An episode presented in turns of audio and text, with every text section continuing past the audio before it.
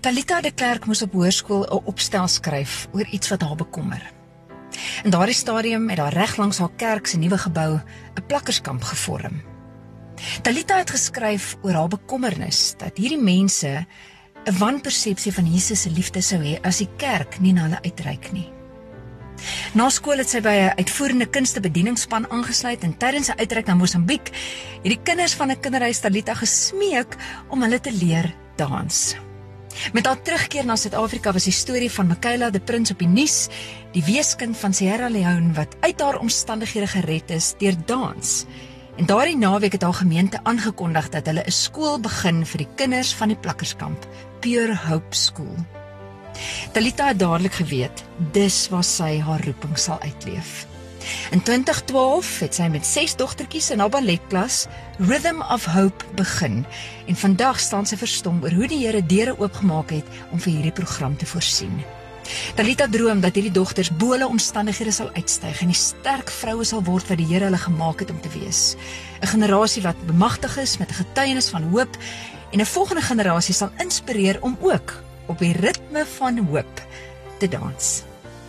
Wat is die voordele van dans? Dit lyk vir my dis 'n dis 'n liggaam, siel en gees en en ek weet ook julle gebruik dit op daai manier. Dans is nie die is nie die einddoel nie. Dis dalk eerder die voet in die deur vir soveel meer wat julle met hierdie dogters wil doen. Net so, ja, dans ehm um, vir veral in hierdie jaar was dit 'n manier ehm um, om vir hulle 'n bietjie stres te om van die stres en die onsekerheid bietjie te laat gaan. Dit is 'n baie lekker manier om van emosies ontslae te raak, maar dis ook 'n manier om jou te leer van jou liggaam, die instrument wat die Here jou gegee het en hoe om dit op te pas en dit te waardeer vir wat dit is. En ehm um, dit leer hulle ook sosiaal hoe om ehm um, teleurstelling te hanteer, hoe om vir iemand anders te hanteer as hulle wen, hoe om te hanteer as ek wen, as ek suksesvol is. So dit dit is 'n baie goeie tool um, om jou oor die lewe te leer. Dis ook obviously baie dissipline. Die skool merk altyd op oor hoe wat se verskil want dis eintlik net die dogtertjies wat by ons dans, want ons wil graag die vrouens empower, maar um, hulle merk altyd op oor wat se verskil dit in hulle dissipline maak en hulle akademies help. Dis baie goed vir jou jou memory en ja, ek dink dit is as ek in kort moet sê. Ek kyk nou van die foto's op jou webblad en ek en ek sien selfs 'n houding teenoor die lewe. Ek sien 'n postuur. Nou 'n danser het 'n baie mooi regop postuur en ek kan nie help om te dink dat ek ook daar 'n verband sien dat swaarkry het 'n manier om ons te onderdruk en plat te druk en ons skouers te laat hang, maar ek sien nie dit by jou dansers nie. Baie dankie. Ja, dit is wat vir ons hoop. Ons hoop om vir hulle eintlik te leer dat weet jy wat, geen nie om my omstandighede nie. Die Here het op 'n manier in my invest. Alles wat vir my gegee is is eintlik 'n geskenk vir my en vir hulle.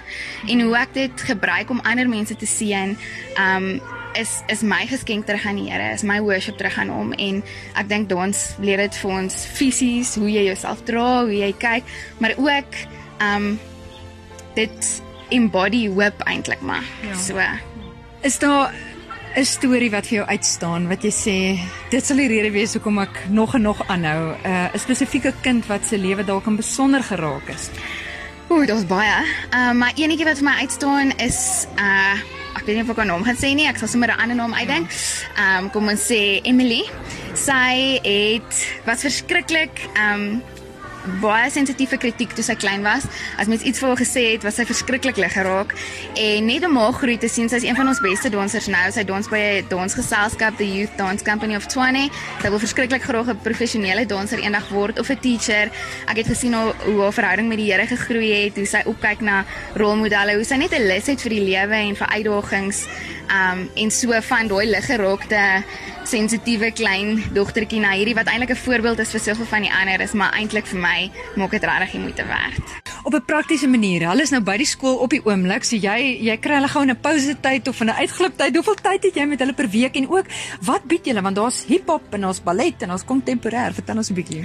So gewoonlik kom ons twee keer 'n week en dan het ons 'n 45 minute tot 'n uur um in elke slot na skool en dan het ons altyd vir hulle ballet en hulle het hiphop gekry. Ons het ook kontemporêr en ministry dance vir hulle begin aanbied. Um maar hierdie jaar as gevolg van COVID kon ons nie dit doen nie. So nou het ons in pauses doen ons soos LO aerobics tipe goeders net om 'n bietjie van die stres um ontslae te raak en ons werk aan 'n dansproduksie so ons leer vir hulle koreografie en dit was eintlik nog 'n challenge want hierdie jaar het die seentjies saam met ons gedans. Hulle het nog nooit danservaring gehad nie. Ons moet hulle saam met die girls laat mooi lyk like vir hierdie produksie. So ons is baie trots op waar ons gewerk het, maar dit was 'n uitdaging. Ja. is Larissa Bester en ek is 'n teacher hier by Pierrot. Vertel ons 'n bietjie van Anchored, uh julle jaar eindproduksie, ehm um, wat so 'n hoogtepunt is en in spesifiek die tema en die storielyn wat jy bymekaar gesit het. Ja, so dit is eintlik gebore uit al ons juffrouens harte uit. Ehm um, en ons wou nie spesifiek gefokus het op corona nie. Ek dink as enige iemand corona hoor, is hulle moeg daarvoor, maar ons wou dit graag relatable gehou het. So dit gaan oor hierdie groot skip wat gelons word, maar wat amazing is, hy kan 'n submarine word en onder die see ingaan.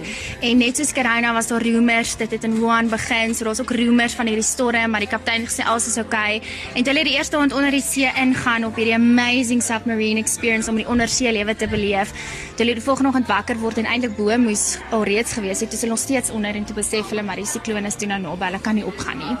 En ehm um, gaan nou nie die storielyn weggee nie, maar gaan hulle oorleef, gaan hulle weer terugkom, het nog genoeg suurstof. Ehm um, so ja, dit is dit is eintlik maar hy gaan goed eindig, mooi eindig met 'n hoopvolle storie. Dit is ons harte. Wat het jy nodig om te kan doen wat jy doen sodat jy kan fokus op jou dans en sodat jy weer die ander behoeftes is ontmoet? Jo, ehm um, ek dink vir ons omdat dit 'n mense wil nie baie keer in teachers invest in in salarisse en sulke goeders nie, maar dit is die grootste deel van wat ons doen. Want as ek iemand 'n salaris kan betaal, beteken dit hulle is committed. Ek kan in hulle inbou. Hulle is committed om vir 'n lang termyn in hierdie kinders se lewens in te bou. So dit is elke elke jaar ons grootste um, uitgawe eintlik ook. En dan natuurlik dansklere as daar dansgeselskappe of companies of studios is wat uh, mense wat ekstra dansklere het, kan hulle dit vir ons bring. As ons dit nie kan gebruik hier nie, verkoop ons dit en ons gebruik die geld. 'n Ander ding is ook um, volunteers wanneer ons um, wanneer ons events en sulke goeders het, dan het ons partykeer nodig dat iemand gaan help met 'n gremering of so 'n tipe van ietsie.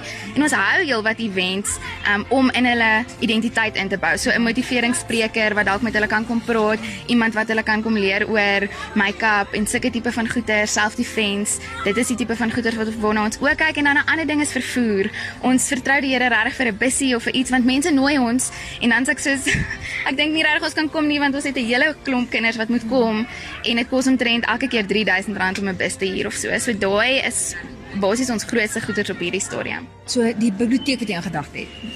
Ehm um, ja, so dit is ook ietsie wat ons oor hoop of droom want meeste van hulle kom nie uit 'n kultuur uit waar hulle gewoond is aan dans of ballet of ehm um, ja, ballerinas en sulke goed nie so en as hulle dit sien baie keer dan maak dit 'n droomwêreld ook oop. So ons wil eintlik maar net vir hulle blootstelling gee daaraan. Ehm um, die en vir hulle laat talkies doen oor dit sodat hulle ook kan uitvind hoe lyk like daai ballerina se lewe, wat moet sy alles insit om daar te kom, daai tipe van goeder. So dit is ook eintlik ietsie en 'n biblioteek omdat dit 'n fisiese boek is, kan hulle dit huis toe vat. Dit is nie aan Wi-Fi. Ons het nou met die lockdown gesien, hulle het nie soveel akses tot Wi-Fi en data soos wat ons het noodwendig nie. Ehm um, so dit is 'n baie makliker manier om om dit by hulle uit te kry. So dit is ook iets wat ons sal baie wys. Ons wil dit baie graag namens Groot FM se jou mense my mense vir julle gee. Die 5000 wat jy nodig het vir jou biblioteek en ook die 2000 wat jy nodig het vir jou oefenmatte. Dis amazing.